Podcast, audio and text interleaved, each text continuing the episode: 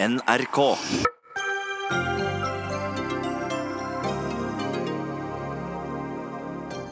Etter to år i russisk fengsel ble Frode Berg en fri mann i dag. Hele saken er en skandale, mener en tidligere etterretningsoffiser. Er det lov å ødelegge kloden bare det skjer litt etter litt, spør en advokat som fører klimasøksmålet mot staten. Dette er en sak for politikerne, ikke retten, innvender jusprofessor. Nesten ingen ville ha Finanstilsynets innstramming av lånereglene, og nå droppes de. Det burde de ikke gjort, sier økonom. Og byrådet i Bergen åpner for borgerlønn, som sikrer innbyggerne penger uten at staten krever noe tilbake. På tide å prøve, synes økonomiprofessor, til store protester fra Høyre.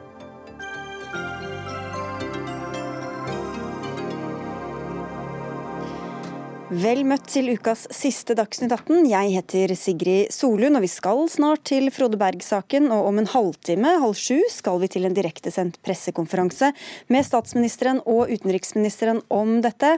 Den vil da fortsette ut vår sendetid på NRK2, mens vi etter hvert vil fortsette på NRK P2 og NRK2.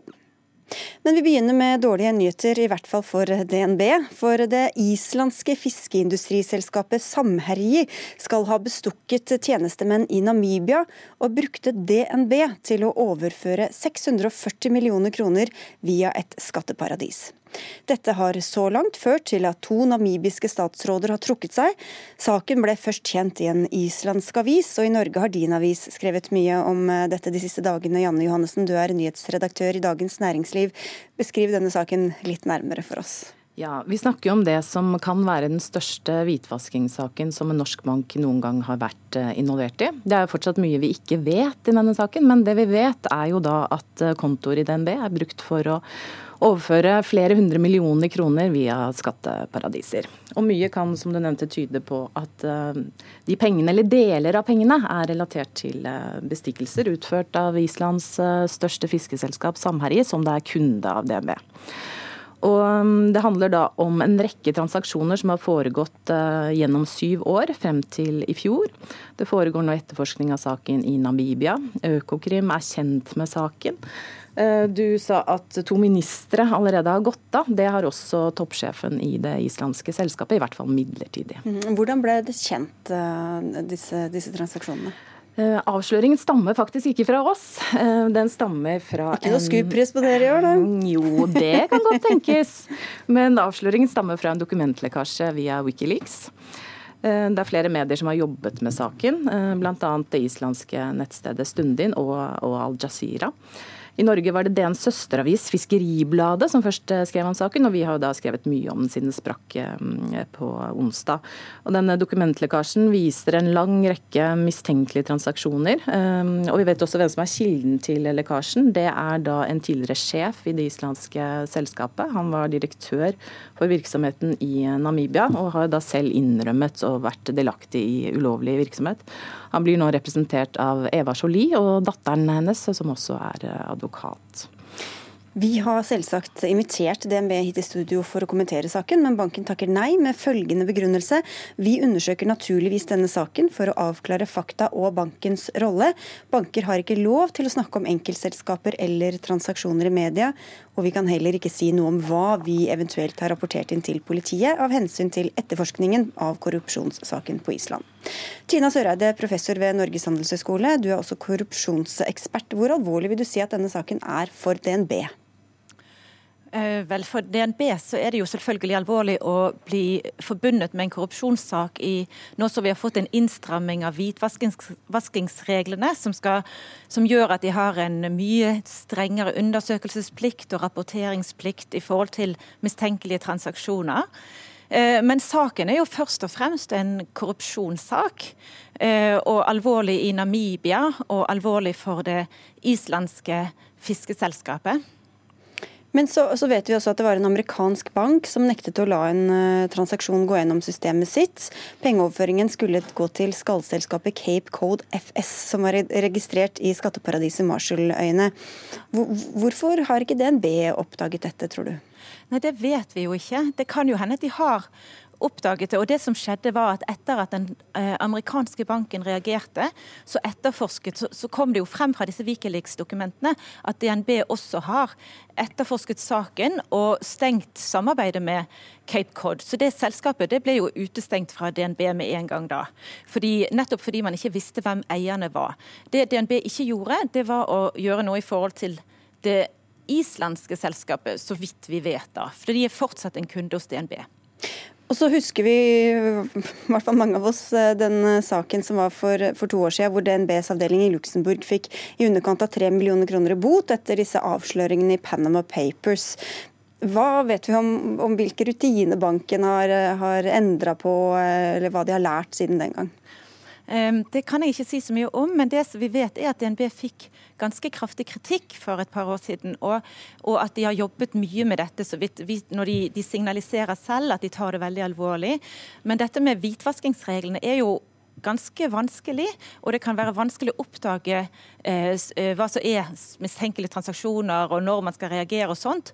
Og så vet vi jo også fra den danske banksaken at, eh, at, dette er noe som krever at hele organisasjonen er med. For der var det jo varslere som ville si fra om det, men ledelsen i Danske Bank ville ikke høre på det.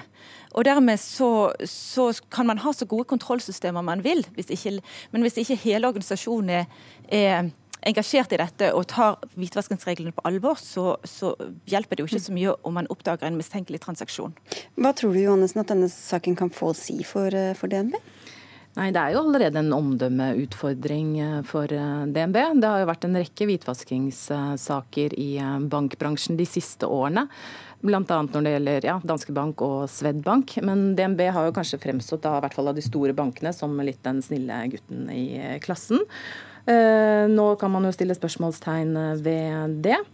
Og dette er jo ikke akkurat noen sånn drømmesak å få i fanget for DNBs nye konsernsjef Kjerstin Bråten heller. Eh, DNBs aksjekurs eh, siden saken ble kjent har allerede falt 5% Det betyr at 13 milliarder av markedsverdien er skrelt bort. Nå har riktignok andre bankaksjer også falt denne uken.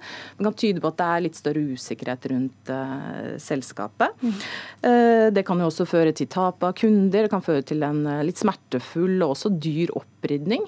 men det som jo er mer alvorlig, er jo da hvis det blir en Økokrim-etterforskning, mulige bøter og i verste fall straffeforfølgelse. Men disse andre aktørene her, det, det islandske fiskeindustriselskapet Søreide, hvorfor, hvorfor, valgte de å bestikke namibiske tjenestemenn? Hva vet vi om det? Um, altså nå har Island de har hatt samme regler som vi har i Norge siden 1998. At man ikke har lov til å, at man kan bli holdt ansvarlig hjemme for å betale bestikkelser hvor som helst i, i verden. Uh, men de har ikke håndhevd de reglene i en eneste sak. Sånn at Derfor så, så kan det jo hende at signalene fra, fra myndighetene ikke har vært så veldig klare på dette. fordi Island har også blitt kritisert flere ganger fra OECD, som følger håndhevingen i OECD-land på dette feltet veldig tett, eh, at de skulle føre til forbedringer.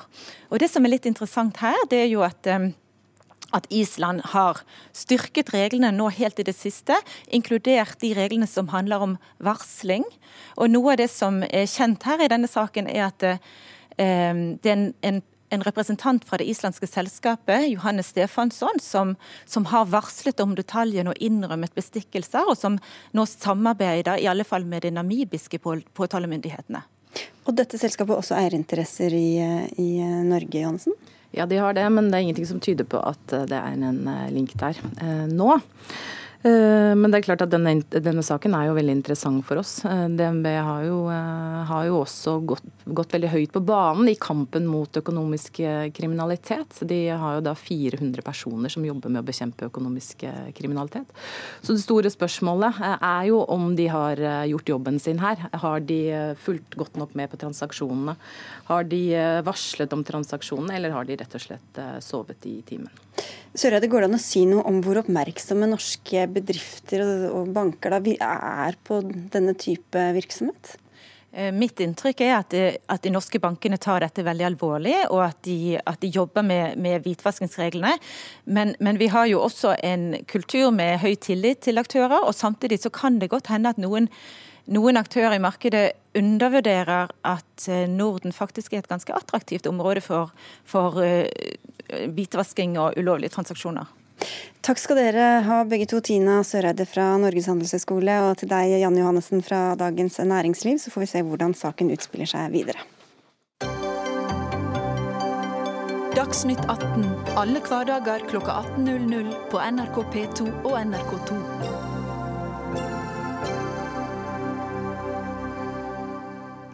Han har sittet nesten to år i fengsel i Russland. I dag ble spiondømte Frode Berg en fri mann. Og Utenriksmedarbeider Morten Jentoft, du er i Moskva, men hvor er Frode Berg nå? Da er vi her. Dagsnytt 18. Ja, hei Morten Jentoft. Hallo, hallo. Jeg, jeg hører du akkurat rigga deg opp eh, der i Moskva, men vi lurer på hvor Frode Berg befinner seg nå? Ja, Frode Berg han eh, befinner seg jo etter all sannsynlighet på den norske ambassaden i den litauiske hovedstaden eh, Vilnius. Jeg snakket med eh, Frode Bergs advokat Ilja Novikov nettopp like før sending. Han anser seg ferdig med saken akkurat nå, men han sa at Frode Berg forlot Moskva i går. Det tyder på at man har klart å forberede denne utvekslingen i god tid på forhånd. Dermed så unngikk man at noe skulle gå galt. Sånn at når denne mm, underskriften fra den litauiske presidenten kom, eller ble offentliggjort i dag tidlig, ja, så var det meste klart. Så Eh, eh, advokaten til Frode Berg, Brynulf Risnes, han skriver jo på Facebook at eh, Frode Berg har det bra. Han er selvfølgelig litt omtåket etter alt som har skjedd. Så får vi se da om de reiser tilbake fra Vilnius allerede i kveld, eller sannsynligvis kanskje venter de til i morgen. Dette er jo en, en mulig løslatelse som vi har snakket om i et par uker nå. Men hva var det forløsende som gjorde at dette skjedde nå? Det forløsende var jo den prosessen som skjedde i, i, i Litauen, der man jo hadde en, en, prosess gående i parlamentet for å ordne opp litt i lovverket for hva, eh, hva, slags eh, status har personer som er dømt for spionasje i et eh, annet land. Der var det da parlamentarikere som ønsket en slags presisering av lovverket der. Når, og Det ble jo en prosess som gjorde at denne saken også ble offentlig offentlig. Det var kanskje ikke tanken helt det, da. Men um, den tok jo uh, ganske lang tid. Men uh, forrige torsdag så var det altså klart. Denne loven gikk igjennom. Og så var det jo da en prosess via den litauiske presidenten som skulle godkjenne loven. Så skulle da en kommisjon i Litauen også da komme med sin innstilling. Dette var jo formaliteter.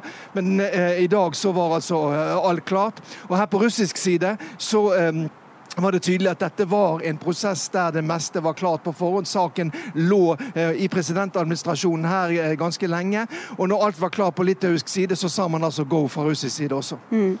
Rune Raffaelsen, ordfører i Syd-Varanger, som også er Frode Bergs eh, hjemkommune. Dere har fulgt spent med fra sidelinja. Hvordan var det å få beskjeden i dag om at nå er han på vei hjem? Nei, Det var veldig godt, og først og fremst for Frode sjøl og for familien. For det har vært en belastning for dem. Og at eh, man nå klarte å finne en løsning, tror jeg var veldig eh, gunstig for, for situasjonen. Nå har ikke det påvirka det daglige samarbeidet med Russland, men det er klart det var ikke noe god eh, sak å vite at Frode satt i fengsel i, i Moskva. Hvordan har det prega lokalsamfunnet? I veldig liten grad, vil jeg si. Folk har jo engasjert seg. og Jeg engasjerte seg også umiddelbart. At jeg mente at det her måtte bero på en en misforståelse, og så kom det jo frem etter hvert at det var ikke noen misforståelse, han var på jobb. Eh, så det, det, har jo vært forskjellige syn, men jeg tror folk eh, stort sett eh, gleder seg over det som har skjedd nå, og, og ønsker han Frode alt vel. og og velkommen tilbake til Sør-Varanger. Ja, Morten Jentoft, minn oss litt på hva vi vet faktisk er fakta i, i denne saken. Fakta er jo at uh, Frode Berg uh, i 2014-2015 sa ja til å fungere som en kurer. Uh, hvor klar han var over hva slags oppdrag han tok på seg, det vet vi ikke. Men han visste tydelig at dette var um, på oppdrag for personer med tilknytning til den norske etterretningstjenesten. Så har han altså vært fem ganger i Russland, der han har postlagt penger og informasjon. Det viser seg jo og det vistes, kom jo fram når dommen ble kjent i, i, i juni, at FSB, altså den russiske sikkerhetstjenesten, fra første stund hadde vært klar over hva som var på gang her, og at den personen som Frode Berg sendte disse pengene, den informasjonen til og fra, ja, han samarbeidet med den russiske sikkerhetstjenesten. Sånn at FSB har fra første stund Eh, kjørt en slags operasjon, og eh, i alle fall sånn som det ser ut i dag, da, eh, lurt den norske etterretningstjenesten og Frode Berg i en, en, en, en, felle. Og Til slutt så valgte altså FSB å avslutte dette spillet, og arresterte Frode Berg her i Moskva foran Bolsjoj-teatret. Det er jo tatt, som tatt ut av en, spionroman, akkurat dette her. Og Som Rune Raffaldsen sa, så trodde jo mange av oss at dette måtte bero på en feiltakelse, men det ble ganske klart for oss som jobbet med denne saken, at dette var nok ingen misforståelse, dessverre, for Frode Berg. Han var havnet i en svært svært alvorlig situasjon, og i april i år så ble han altså dømt til hele 14 år i fengsel for å ha drevet spionasje mot russiske statshemmeligheter. Raffelsen, hva, hva er lokalbefolkningens dom over hva Frode Berg selv har gjort eh, i denne saken? Men det er klart at dersom det er sånn at, eh, at det rekrutteres eh, etterretningsfolk i, i Sør-Varanger, i lag og foreninger og sånt, så er det klart det er jo ikke en spesielt gunstig situasjon. Men eh, det som er viktig å si at, at eh, vi er jo i et grenseområde, og, og, det er stor aktivitet. Og det er helt naturlig at Norge også eh, passer på og har etterretning. Men det finnes jo god etterretning, og det finnes dårlig etterretning. og Kanskje denne saken med Frode Berg er et eksempel på, på, på, på dårlig etterretning. og Kanskje at eh, de som er ansvarlig for etterretninga, burde se seg om etter kanskje andre ting å gjøre. og Kanskje finne på, på andre måter å gjøre det enn det å rekruttere på denne måten. Men som sagt, det er jo også spekulasjoner fra min side. Eh, det er jo veldig vanskelig å vite hva som akkurat har skjedd.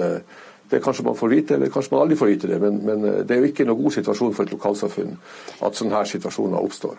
Men dette er jo en kritikk som har gått igjen, Morten Jentoft, at den norske E-tjenesten anklages for å ha sendt en norsk agent ut på et risikooppdrag som han ikke var forberedt på. Kan den, hva kan bli etterspillet av denne saken når Frode Berg kommer hjem til Norge? Ja, Det blir jo veldig veldig interessant å se. Eh, jeg kjenner godt til at eh, det har jo vært selvfølgelig utallige eh, oppvaskmøter, diskusjoner i Etterretningstjenesten om hva som gikk galt her.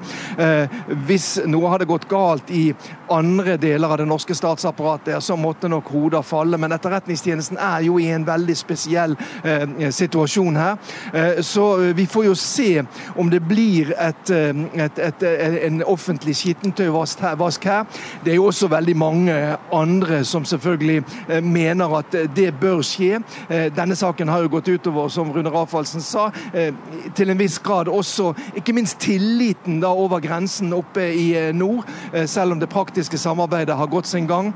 Men også f.eks. For, for Utenriksdepartementet har jo denne saken vært en enorm eh, belastning. Så spørsmålet er jo da om eh, hvordan man skal foreta en evaluering av eh, det som har, har skjedd her. Det blir jo interessant å se nå når man har klart å løse det viktigste problemet, nemlig å få Frode Berg tilbake til Norge. Da Rune Raffelsen, har det også vært snakk om at han kan bli utsatt for et press når han kommer tilbake. Hva er dine tanker om det? Nei, det, det, det, tror jeg ikke. Altså, Frode er jo en erfaren mann. og han vet nok helt sikkert hva han, hva han, står i. Eh, men det som er viktig nå, det er jo den menneskelige dimensjonen, nemlig at han er kommet tilbake til familien, og at familien skal få ro. sånn at eh, Akkurat hva som skal skje nå, eh, om det er en form for debrifing eller møte, det, det vet jo ikke jeg. Men det som er viktigst nå, det er at Frode Berg blir tatt vare på på en best mulig måte. Og Akkurat nå er han til en legeundersøkelse, sier advokaten hans Byrunulf eh, Risnes til VG. Og Frode Berg er sliten, men ved godt mot, sier han også. Om eh, drøyt ti minutter så skal vi til en direkte pressekonferanse med statsminister Erna Solberg og utenriksminister Ine Eriksen Søreide, hvor de vil kommentere denne saken.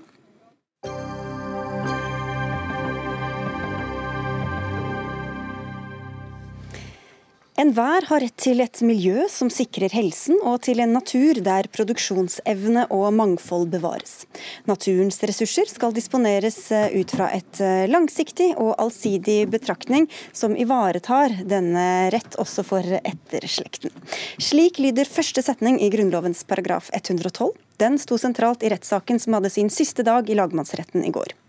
Greenpeace, Natur og Ungdom og flere andre miljøorganisasjoner har saksøkt staten for tildelingen av oljelisenser i Barentshavet sørøst gjennom 23. konsesjonsrunde i 2016, de nordlige delene like ved iskanten mot Arktis.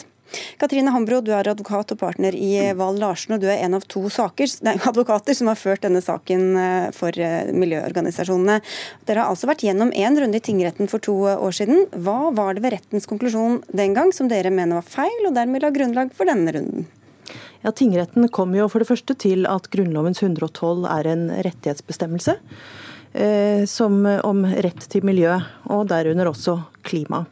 Og Det innebærer at, eh, at miljø må forvaltes langsiktig og allsidig, slik at man ivaretar miljøet da for etterslekten, som du leste opp. Eh, men så kom tingretten videre til at de vedtakene saken handler om, eh, er, har så, såpass marginale utslipp i forhold til totalbelastningen at det var for smått til å overskride noen forbudsregel. Og Det mener jo vi er galt, for ethvert eh, utslipp er jo marginalt over hele kloden. og Skulle det resonnementet være riktig, så vil det bety at bestemmelsen har veldig veldig lite innhold, og at det er lov å ødelegge eh, klima, bare man gjør det litt etter litt. Dette er altså Norges første klimarettssak, men hvordan mener du at man kan lese ut fra denne ene paragrafen at det er grunnlovsstridig å lete etter olje i akkurat dette området, da? Mm.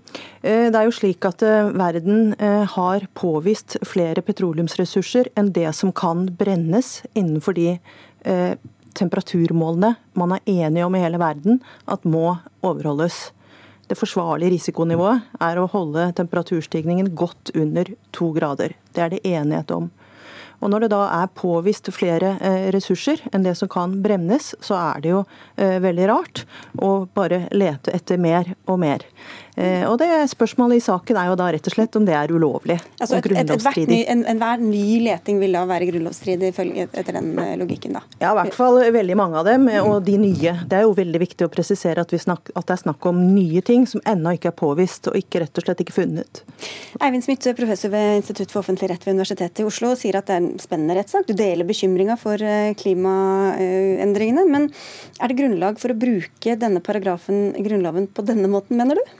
Det er fint at du presiserer at jeg deler bekymringen, for det, det gjør jeg virkelig. Altså, jeg tror vi er fort ute på gale veier når det gjelder klima. Så spørsmålet er egentlig ikke det. men om eh, denne bestemte bestemmelsen, paragrafen, eh, gir grunnlag for, å, å, for en domstol til å si at dette får ikke staten eh, lov til. og det er jeg nok atskillig mer i tvil om. Men om saken har noe for seg, kommer nok litt an på, tror jeg, om hva, hva, hva, målet egentlig er. Ikke advokatens mål, for advokaten gjør jo en jobb for noen, men, men saksøkernes mål. Og jeg kan tenke meg i hvert fall to mål, og jeg kan tenke meg at begge er til stede. Og det ene er å vinne i um, resultat i akkurat for de lisensene oppe i, i Barentshavet. Og det, det, har jeg nok mine tvil om, om lar seg gjøre, men, men, jeg vet jo ikke svaret på det. Eh, det andre er å bruke rettsapparatet til å få oppmerksomhet om denne typen spørsmål.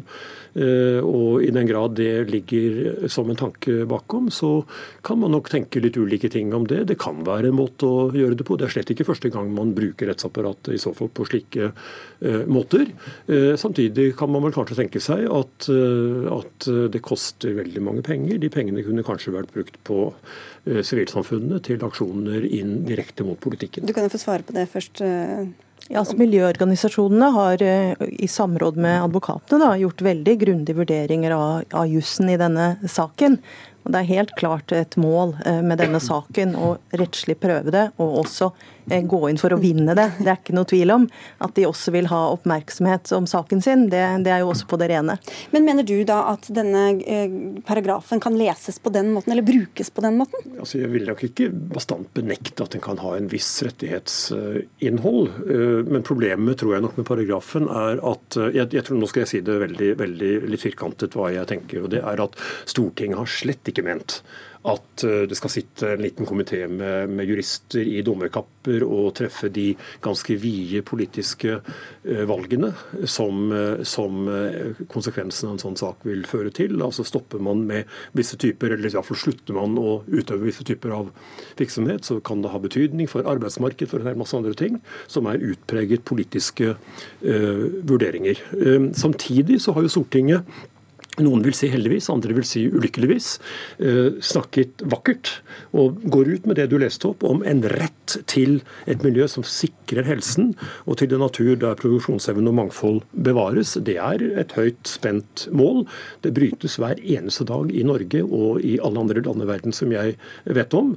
Eh, og skal man virkelig ivareta det, så vil det altså kreve politiske avveininger med omkostninger som man kan velge å bære eller ikke, men, eh, men det er nokså utpregede politiske avveininger som, som, en litt tilfeldig gruppe dommere ikke har spesielle forutsetninger for å foreta. Og Det er jo stor uenighet ikke bare blant politikerne, men også blant uh, naturvitere, eksperter, om hva som er de beste uh, veiene mot målet da, om, et, uh, om, om lavere utslipp, og hva som vil være følgende av at Norge, hvis Norge skulle stanse og lete etter ny olje, så hvorfor er disse dommerne bedre egnet til å komme til en sånn beslutning enn politikerne er?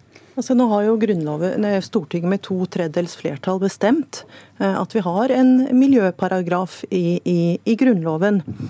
Og da er det domstolene som skal ivareta at grensen overholdes. Det er på en måte systemet. Eh, og verken regjering eller storting kan eh, heve seg over det. Eh, da må jo eventuelt Grunnloven endres. Og at det da er, et, det er rett og slett et forvaltningsvedtak som skal prøves, og det forvaltningsvedtaket omhandler da det mest utslippsintensive vi kan tenke oss i, i Norges land. Vi har ikke med enkeltvedtak som potensielt utløser større utslipp. Nå er det sånn at veldig mange hverdagslige aktiviteter, holdt jeg på å si, også næringsaktiviteter, vil ikke komme i nærheten av disse grensene i Grunnloven. Eh, men det mest utslippsintensive vi gjør, kan jo absolutt gjøre det. Nei, Jeg har bare lyst til å si at eh, jeg er helt enig med Katrine Hambro i at eh, naturligvis skal domstolene passe på at Grunnloven ikke brytes. Det har ikke jeg noe problem med. Men hva de så skal gjøre når de får inn en sak, kommer an på hvordan Grunnloven rimeligvis kan leses. Og, og det å lese den helt bokstavelig ut fra denne fantastisk flotte formuleringen, som gjerne skulle vært sann, for å si det slik, men som jeg ikke tror er det, det, det vil bringe domstolene og, og hele, hele, saken opp i et politisk eh, minnefelt som, eh, hvor domstolene i liten grad er egnet. Og så får jeg lov til å legge til at altså, Spørsmålet er hva står egentlig i denne paragrafen når man leser den? og Man må lese helheten. Ja, jeg leste bare første setning. Ja, ikke sant? Og Den siste setningen sier at statens myndigheter skal iverksette tiltak som gjennomfører disse grunnsetningene forutsetninger.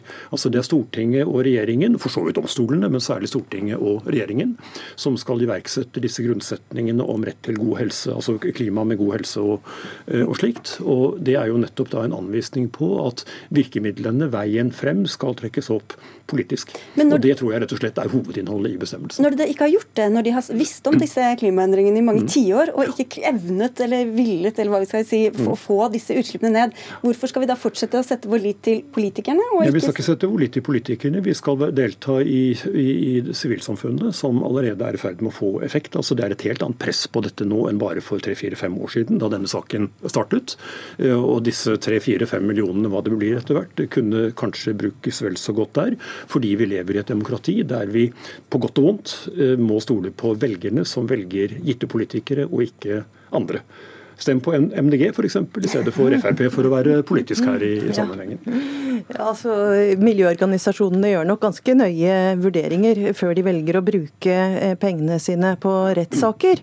Ja, det er ikke noe tradisjon for at miljøorganisasjonene ofte går til søksmål i Norge. Og når de gjør det, så er det jo nettopp fordi at eh, politikken er forfeilet. Vi har 30 år med ikke nådde utslippsmål. Norge har ikke kuttet utslipp, i motsetning til f.eks. EU og veldig mange andre land.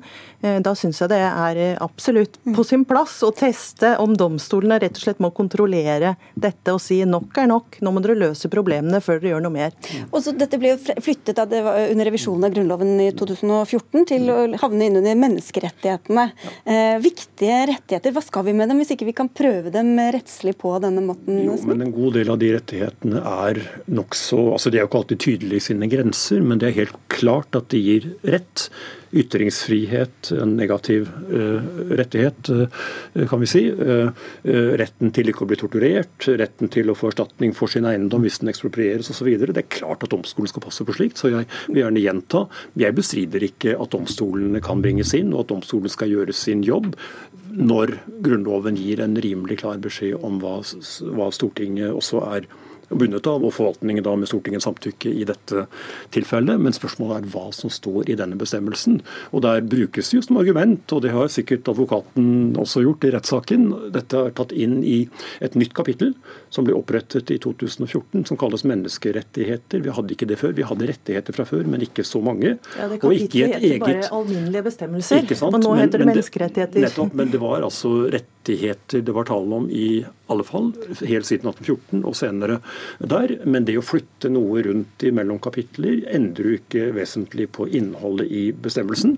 Og bestemmelsen står i det alt vesentligste, slik som den sto i 1992.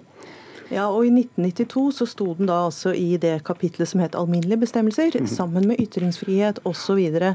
Eh, jeg vil også gjerne peke på at eh, Grunnlovens 112 nettopp etter sin ordlyd skal ivareta etterslekten. Og de yngste blant oss og de som kommer etter oss, er de som rammes mest av klimaendringer. Det er det ingen tvil om. De har ikke stemmerett.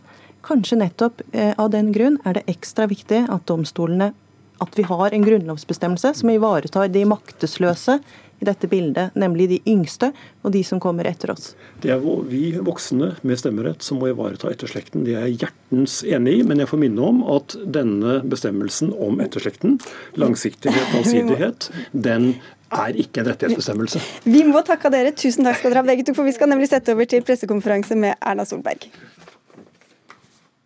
Jeg er jo glad for å kunne fortelle at eh, Frode Berg er nå en fri mann. Som dere vet, så har han vært eh, fengslet i Russland i to år. Han ble benådet av Russland på torsdag. I dag rundt klokken 11 blir han utvekslet på grensen mellom Russland og Litauen.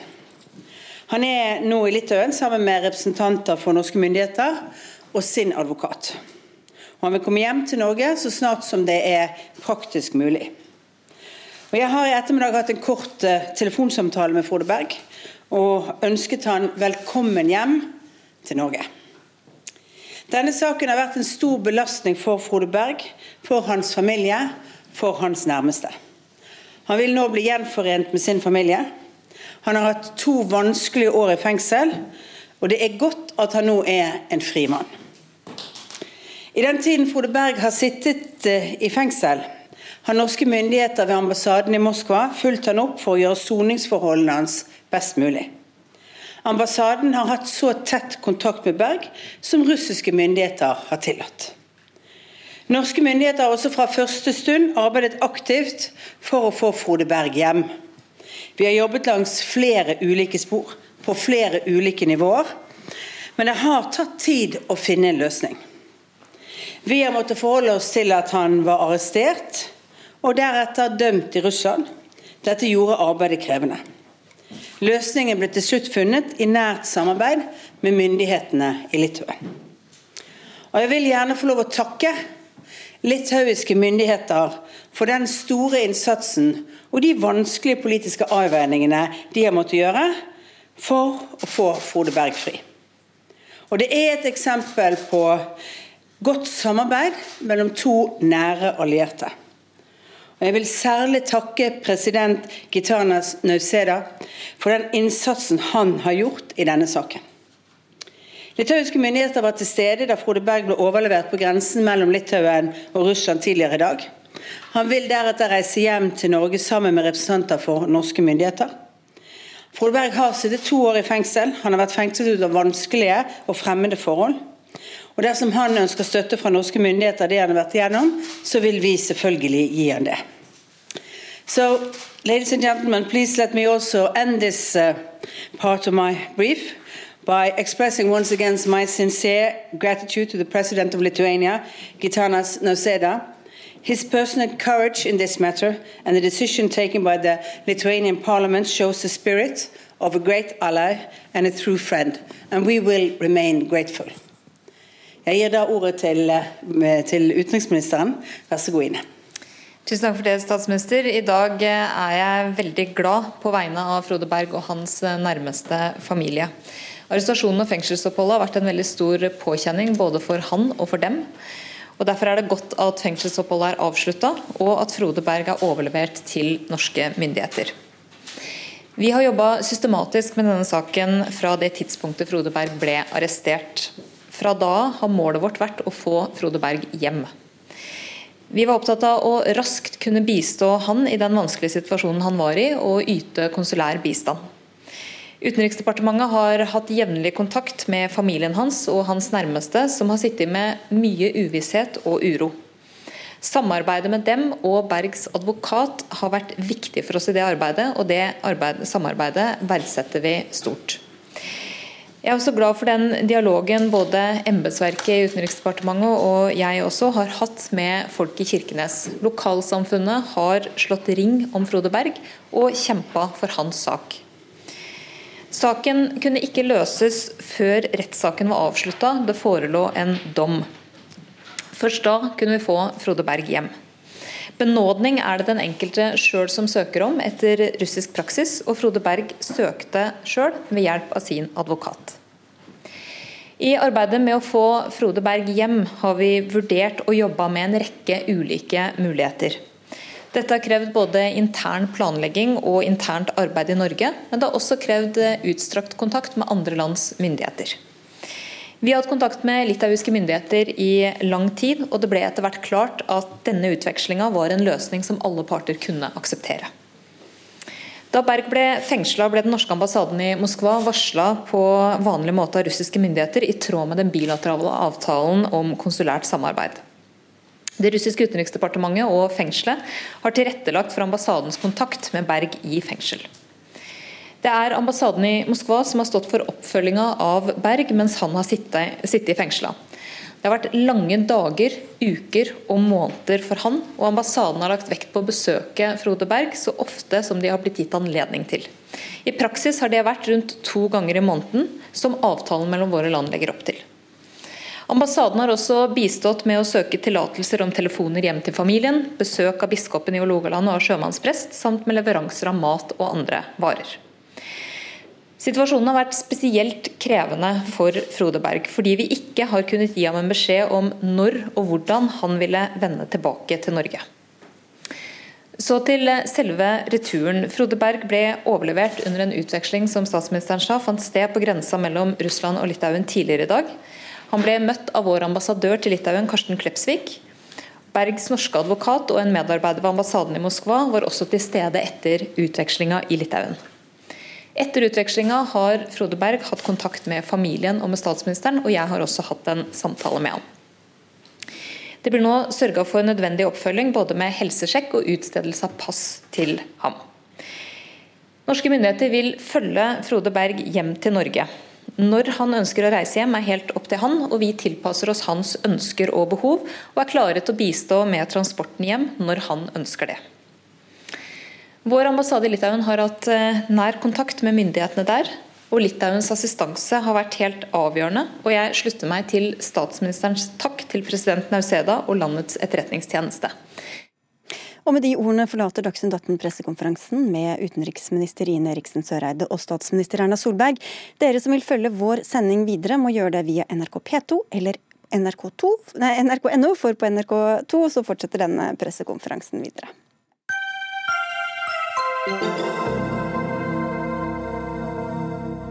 Det blir likevel ikke vanskeligere å låne mye til hus og leilighet. For i dag sa finansminister Siv Jensen at hun ikke vil følge rådet Finanstilsynet kom med tidligere i høst om å stramme inn boliglånsreglene. I stedet for å få låne fem ganger årsinntekt, foreslo tilsynet at man burde redusere dette til fire og en halv ganger årsinntekt. Sivert Bjørnstad, du sitter på Stortinget for Frp i finanskomiteen. Hvorfor valgte dere å ikke følge dette rådet fra Finanstilsynet? Det er fordi vi mener at eh, det er en helt annen situasjon nå enn hva det har vært de tidligere årene. Vi har et boligmarked som er i bedre balanse enn på mange år. Eh, boligprisveksten er moderat, det bygges mange nye boliger. Gjeldsveksten avtar. og I det hele tatt så har den boliglånsforskrifta som i dag gjelder, fungert. og Derfor så ønsker vi å fortsette med den. Nera Masic, du er sjeføkonom i Prognosesenteret. Du var skeptisk til timingen fra tilsynet, men egentlig er du for, eh, for en endring. Hvorfor det?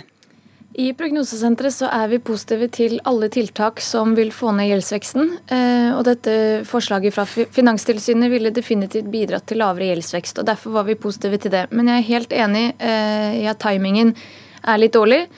Og hvis jeg kunne bestemme i en eh, slags utopi, så ville jeg heller innført det som ble foreslått nå i 2017, eh, da forskriften ble eh, vedtatt og innført fra 1.1 av.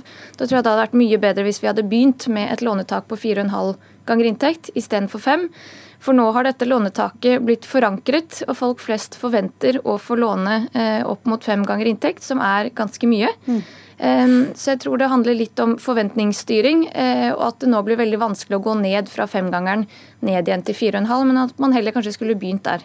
Ja, Du sa nå går det bra, Sivert Bjørnstad. Betyr det at dere egentlig burde ha innført dette, da f.eks. i 2017, som vi hørte her? Nei, jeg synes jo Dagens situasjon viser at uh, retningen går riktig vei, også fra 2017. Uh, eh, det siste året så har boligprisene eh, utvikla seg moderat. og så er det alltid sånn at Man må gjøre avveininger når det er tid for å gjøre det og tid for å revidere forskrifter. Men akkurat der vi er nå, så er det naturlig at den forskriften som har fungert bra, veldig bra det siste året, også får lov til å virke framover. Det er ikke noen ny informasjon som tilsier at vi er nødt til å strupe kreditten akkurat akkurat nå. og det når Prognosesenteret sier at de er for alle tiltak som eh, fører til lavere gjeld, eh, det er jo ikke alltid sånn at vi politikere kan være enig i det. fordi Et viktig politisk mål er jo også at flere skal komme seg inn på boligmarkedet. Og det vi ser er at I 2018 særlig så var det rekord i antall eh, førstegangsetablerere på boligmarkedet. og Det er også et viktig politisk mål for oss. Hva er det som er så usunt i det markedet nå, da? Eh, bare en kort kommentar. Ikke mm. å få ned gjelda, men gjeldsveksten. Vi har fortsatt en gjeldsvekst på 5,5% som er langt mer enn det i hvert fall jeg altså, har i lønnsvekst. Mer og mer og mer gjeld eh, hele ja, tida. Husholdningenes gjeld øker nå med 5,5% i året, eh, de siste tallene. Det er helt riktig at det har avtatt. Det var på rundt 6,7% våren 2017, så det har avtatt jevnt og trutt etter det. Men en gjeldsvekst på 5,5% er fortsatt ikke bærekraftig. Det er eh, langt høyere enn det lønningene våre stiger med, og det er høyere enn inflasjonen. Så det er ikke et bærekraftig eh, nivå på gjeldsveksten. Men eh, ja, den har avtatt, og boligprisutviklingen er langt mer moderat nå enn det den har vært tidligere. Derfor er vi enige at timingen for å stramme inn ytterligere kanskje ikke er riktig nå. Men derfor syns jeg det også var litt rart at den eneste endringen som kom i boliglånsforskriften nå, var en slags hva kaller man det motsatte av en innstramming? Det gjorde jo faktisk litt, en slags utvidelse eh, med denne endringen i, i BSU. Som ja. Eh, vil gjøre det enklere. Men For å ta fatt i dette med gjeldsgraden, eh, Bjørnstad. Dobbelt så høy som lønnsveksten. Og Det internasjonale pengefondet kommer med bekymringsmeldinger om Norge og om gjeldsnivået vårt. Hvorfor er ikke du mer bekymra? Jo, jeg, er absolutt bekymra, og husholdningene eh, i sum i Norge har nok eh, for mye gjeld. Men eh, som også prognosesenteret sier, så går veksten går ned. og Min forhåpning og min tro er jo at det fortsetter også i de neste årene. 5,5% er for høyt. Men jeg tror det er det er flere måter man kan løse det på. Jeg tror ikke måten er å strupe kreditten så at eh, færre kommer inn på boligmarkedet. Jeg tror det er mye bedre å øke tilbudet av boliger. Da vil flere komme seg inn på boligmarkedet, det vil bygges mer, eh, prisene vil gå ned, og forhåpentligvis så vil da også gjeldsveksten avta ytterligere. Eh, jeg vil bare kommentere det med å strupe kreditten. Altså Hvis man skulle senket lånetaket fra fem til 4,5 ganger inntekt, så vil jeg ikke kalle det å strupe kreditten. For hvis vi husker et par år tilbake, for en ti års tid siden, så var det helt normalt å se på tre ganger inntekt som et maksnivå på det man fikk låne. Og så fikk vi forskriftsfestet at femgangeren var maks, og da har det plutselig blitt den nye normalen, uten at det var det tidligere. Så det å gå fra fem til fire og en halv ganger inntekt, hvis det virkelig har så dramatiske konsekvenser som mange hevder at det ville fått. Spesielt en hel samlet banknæring og en meglernæring har gått ut og sagt at eh, fire og en halv ganger inntekt i, i lånetak at det vil føre til at unge mennesker havner på gata omtrent, og at det får så store konsekvenser, så syns jeg det er et problem i seg selv, hvis det er så mange som er på marginen. Ja, Hva sier det om, om marginene, Bjørnstad? En halv prosentpoeng kan altså, være så stor forskjell? Det sier jo først og fremst at Da det var tregangen, så var boligprisene noe helt annet enn, eh, enn hva, de er, hva, de er, i dag.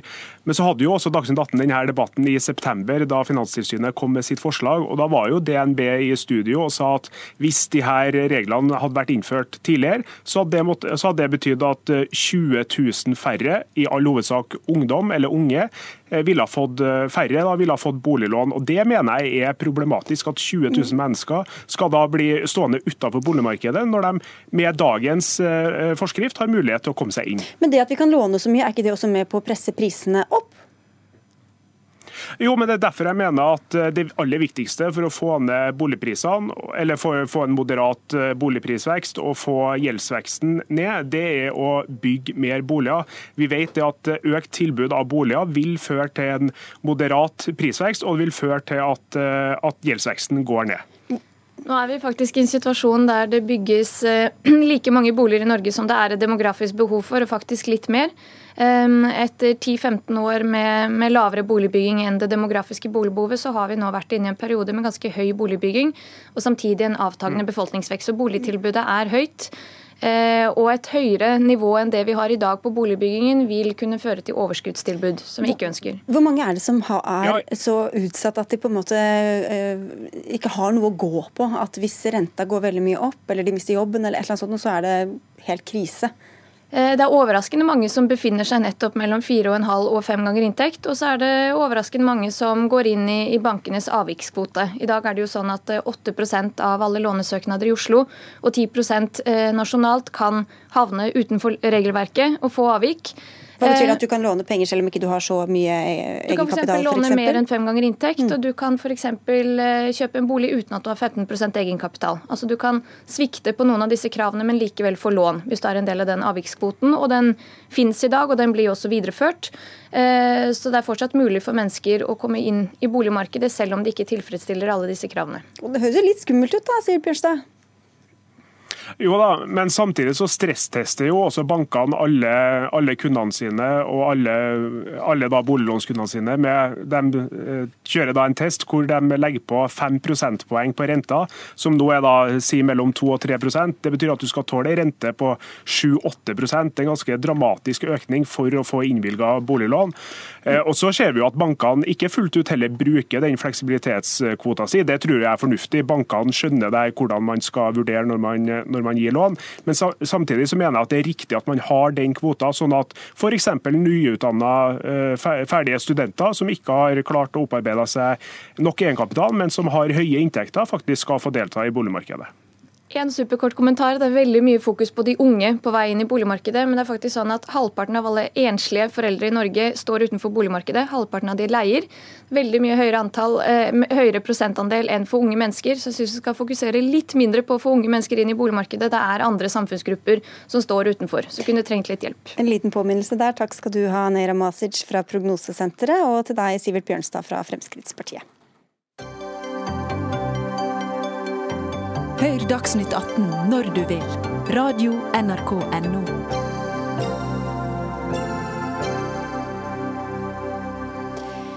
Byrådet i Bergen er klare til å innføre borgerlønn i landets nest største kommune, skulle det bli aktuelt. Det kommer fram i byrådsplattformen til Arbeiderpartiet, Venstre, KrF og MDG, som ble presentert for et par uker siden. Borgerlønn betyr at man får utbetalt penger av myndighetene uten krav til gjenytelse. Og Helt konkret står det i plattformen til byrådet i Bergen at byrådet vil ta initiativ overfor statlige myndigheter om at et eventuelt prøveprosjekt om borgerlønn i Norge skal inkludere Bergen. Og Mona Høgli, bystyremedlem i Bergen for Miljøpartiet De Grønne. Du deltok i disse byrådsforhandlingene og ivret for å få med denne intensjonen om borgerlønn i Bergen.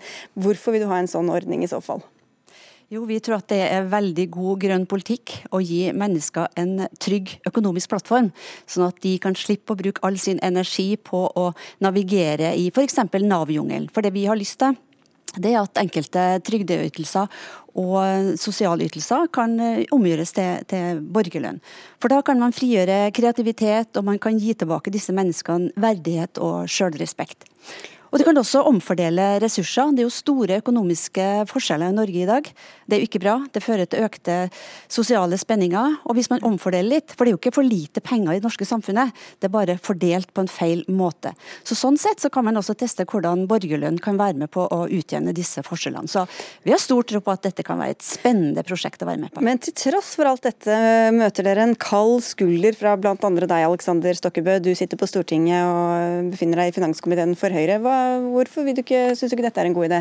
Det er jo flere grunner til det. For det første så er vi jo alle enige om at uh, enhver skal ha en trygg, et trygt sosialt sikkerhetsnett. Men jeg mener at borgerlønn utfordrer noe av den norske velferdsmodellen. Det vi har tillit til at alle som kan, bidrar til vår felles velferd, samtidig som vi stiller opp for de som trenger det. Og En av de store utfordringene i årene fremover, det er jo å sørge for at nok folk er i jobb. For det Vi vet at det blir færre, flere eldre og færre i jobb til å finansiere velferden vår. Og Da mener jeg, mener jeg det er en dårlig idé å passifisere folk med å betale arbeidsføre, friske folk eh, for å ikke jobbe. Ja, hvor er logikken der, Høgli? Ja, det, Dette er jo feil. Um, passiviserer jo ikke. Dette gir jo faktisk rom til å bli mer kreativ og mindre passiv. Nå bruker jo folk all sin energi på å passe på at de ikke setter et feil komma i et Nav-skjema, for da kan de miste støtten. De kan i verste fall havne i fengsel. Det viser jo Nav-skandalen i det siste. Så, så og det at, de, at, man skal ha tillit til at alle bidrar inn i samfunnet. Ja, men det er jo nå de går i fattigdomsfella og ikke tør å ta en jobb utenfor fordi de kan trå feil og miste støtten sin. Hvis de har en basis og de får lov å bestemme over den, så kan de bruke kreativiteten og energien sin på å finne de gode løsningene. Og derfor så jeg, ja. du, du, sa det, men skal, Du skal få svare på det, Stokkebø, men vi skal til en eh, som sitter her i studio sammen med meg, eh, Kalle Mone. Du er professor ved Økonomisk institutt ved Universitetet i Oslo. Vi hørte jo litt om hva denne borgerlønnen er, men kan ikke du bare utdype litt om hva det egentlig går ut på? Ja, Den har jo flere typer utforminger eh, som en kan tenke seg, men, eh, men det som er, er, vanlig å anta, eller som skal være tilfellet, det er at det er en en, en, betaling, en grunnleggende inntekt som går til alle. Uh, uavhengig om, om en er rik eller fattig, uavhengig om en har jobb eller ikke, uavhengig om en er syk eller ikke. Det betyr ikke at alle andre ordninger uh, for sosialstøtte eller velferdsstatsordninger blir borte, men det, dette er ting som uh, ligger i bunnen av systemet. Og det er slik det er tenkt i, selv om det har forskjellige utforminger som er diskutert i forskjellige land. Et grunnbeløp, og så kan man jobbe og tjene penger eh, oppå det? Og en kan også få trygd i tillegg til dette, hvis, uh, hvis ikke den grunnleggende inntekten er høy nok til å dekke f.eks. Mm. syketrygd, eller hva det måtte være. Det, det, er jo ikke helt gitt at dette, eller intuitivt at dette går opp økonomisk. Som økonom, hvordan kan du forsvare et sånt system? Ja, nå liker jeg aldri at, at, at, at en skal liksom tenke som, ja, at en skal tenke Ikke som økonom. Som menneske. Men eh, eh, altså jeg tror en, det er så mange som roter det litt til med hva som er, hva som er overføringer og hva som er kostnader. For, for, landet som helhet er det jo ikke noen oppofring å overføre penger mellom folk. Eh, det er jo ikke en kostnad. Det er en kostnad for de som betaler mer inn enn de får tilbake. Men det er jo en gevinst for de som får mer tilbake enn de betaler inn. Så en, en slik ordning som dette har et stort element av overføring, omfordeling i seg. De som har høyere inntekt inntekt enn gjennomsnittsinntekten, de betaler inn i netto, mens de som har lavere inntekt enn gjennomsnittsinntekten, de får mer enn de betaler inn hvis det er skattefinansiert eh, borgerlønnsordninger. Mm. Så jeg, jeg, jeg syns at det, det, kommer til i framtiden til å være stort behov for nye måter å omfordele inntekt på. Kapitalens andel av inntekt i de aller fleste land går opp. Eh, mot en lagt på stabilt nivå veldig lenge. så Det betyr at kapitalinntektene kommer til å øke kraftig, ser det ut til. Det har noe delvis med robotisering å gjøre, det delvis med strukturendring av økonomien. Og Da er det behov for nye omfordelingsordninger som gjør at en ikke skaper stor mot, motstand mot disse ordningene som, eh, som, kommer, slik at alle tjener på teknologisk mm. endring, ikke bare de som eier kapital. Man kan jo se på det Stokkebø, som at dette rett og slett er penger som at landets penger tilhører innbyggerne i landet, og at de da skal ha en andel av det? Jeg mener jo helt klart at eh, alle, alle, skal ha et trygt sosialt sikkerhetsnett, òg de som ikke kan jobbe. Men å dele ut en flat borgerlønn er jo egentlig veldig dårlig omfordelingspolitikk. Og hvis du regner på det, hvis eh, en skulle gitt 100 000 da, som en sånn minstebeløp, til alle landets borgere over 18 år, så hadde det kosta samfunnet om lag 400 milliarder kroner. Det er mer enn vi bruker på trygd i dag. Og dette vil fremdeles være lavere enn det mange i dag får i sosiale ytelser. Og det er klart, Hvis du skal gjøre sånn som professoren her er inne på, at du skal legge eh, borgerlønn på toppen av dagens ytelser, da snakker du svimlende beløp. Skal du øke borgerlønnen enda litt til, kanskje til 200 000 per, per borger, så er det oppe i 800 milliarder. Det er to tredjedeler av statsbudsjettet, og da går ikke regnestykket opp. Det er ikke ansvarlig politikk.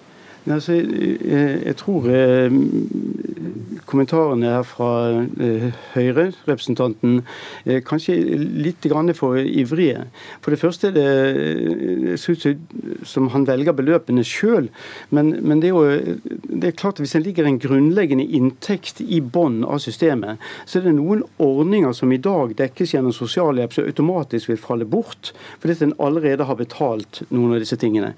Hva er grunnen til at det f.eks. i Norge Norge har veldig høy inntekt sammenlignet med andre land. Det er ikke bare oljeinntekter, det er også det at vi holder fred med hverandre, at vi har tillit til hverandre osv.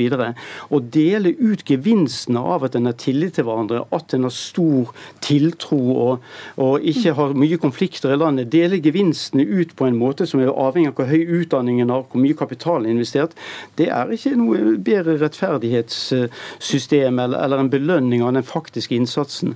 Freds, fredsbevarende sosiale forhold i et land. Eh, gevinsten av det syns jeg kunne deles likt, og det ville en, en sånt system bidra til. Og så For å plukke opp poenget fra Bergen også, Stokkebø. Det er mange, Med tanke på alle de beretningene vi får uh, i disse dager om hvordan Nav kan slite ut folk, uh, syke mennesker bruker masse tid og ressurser på å melde og rapportere.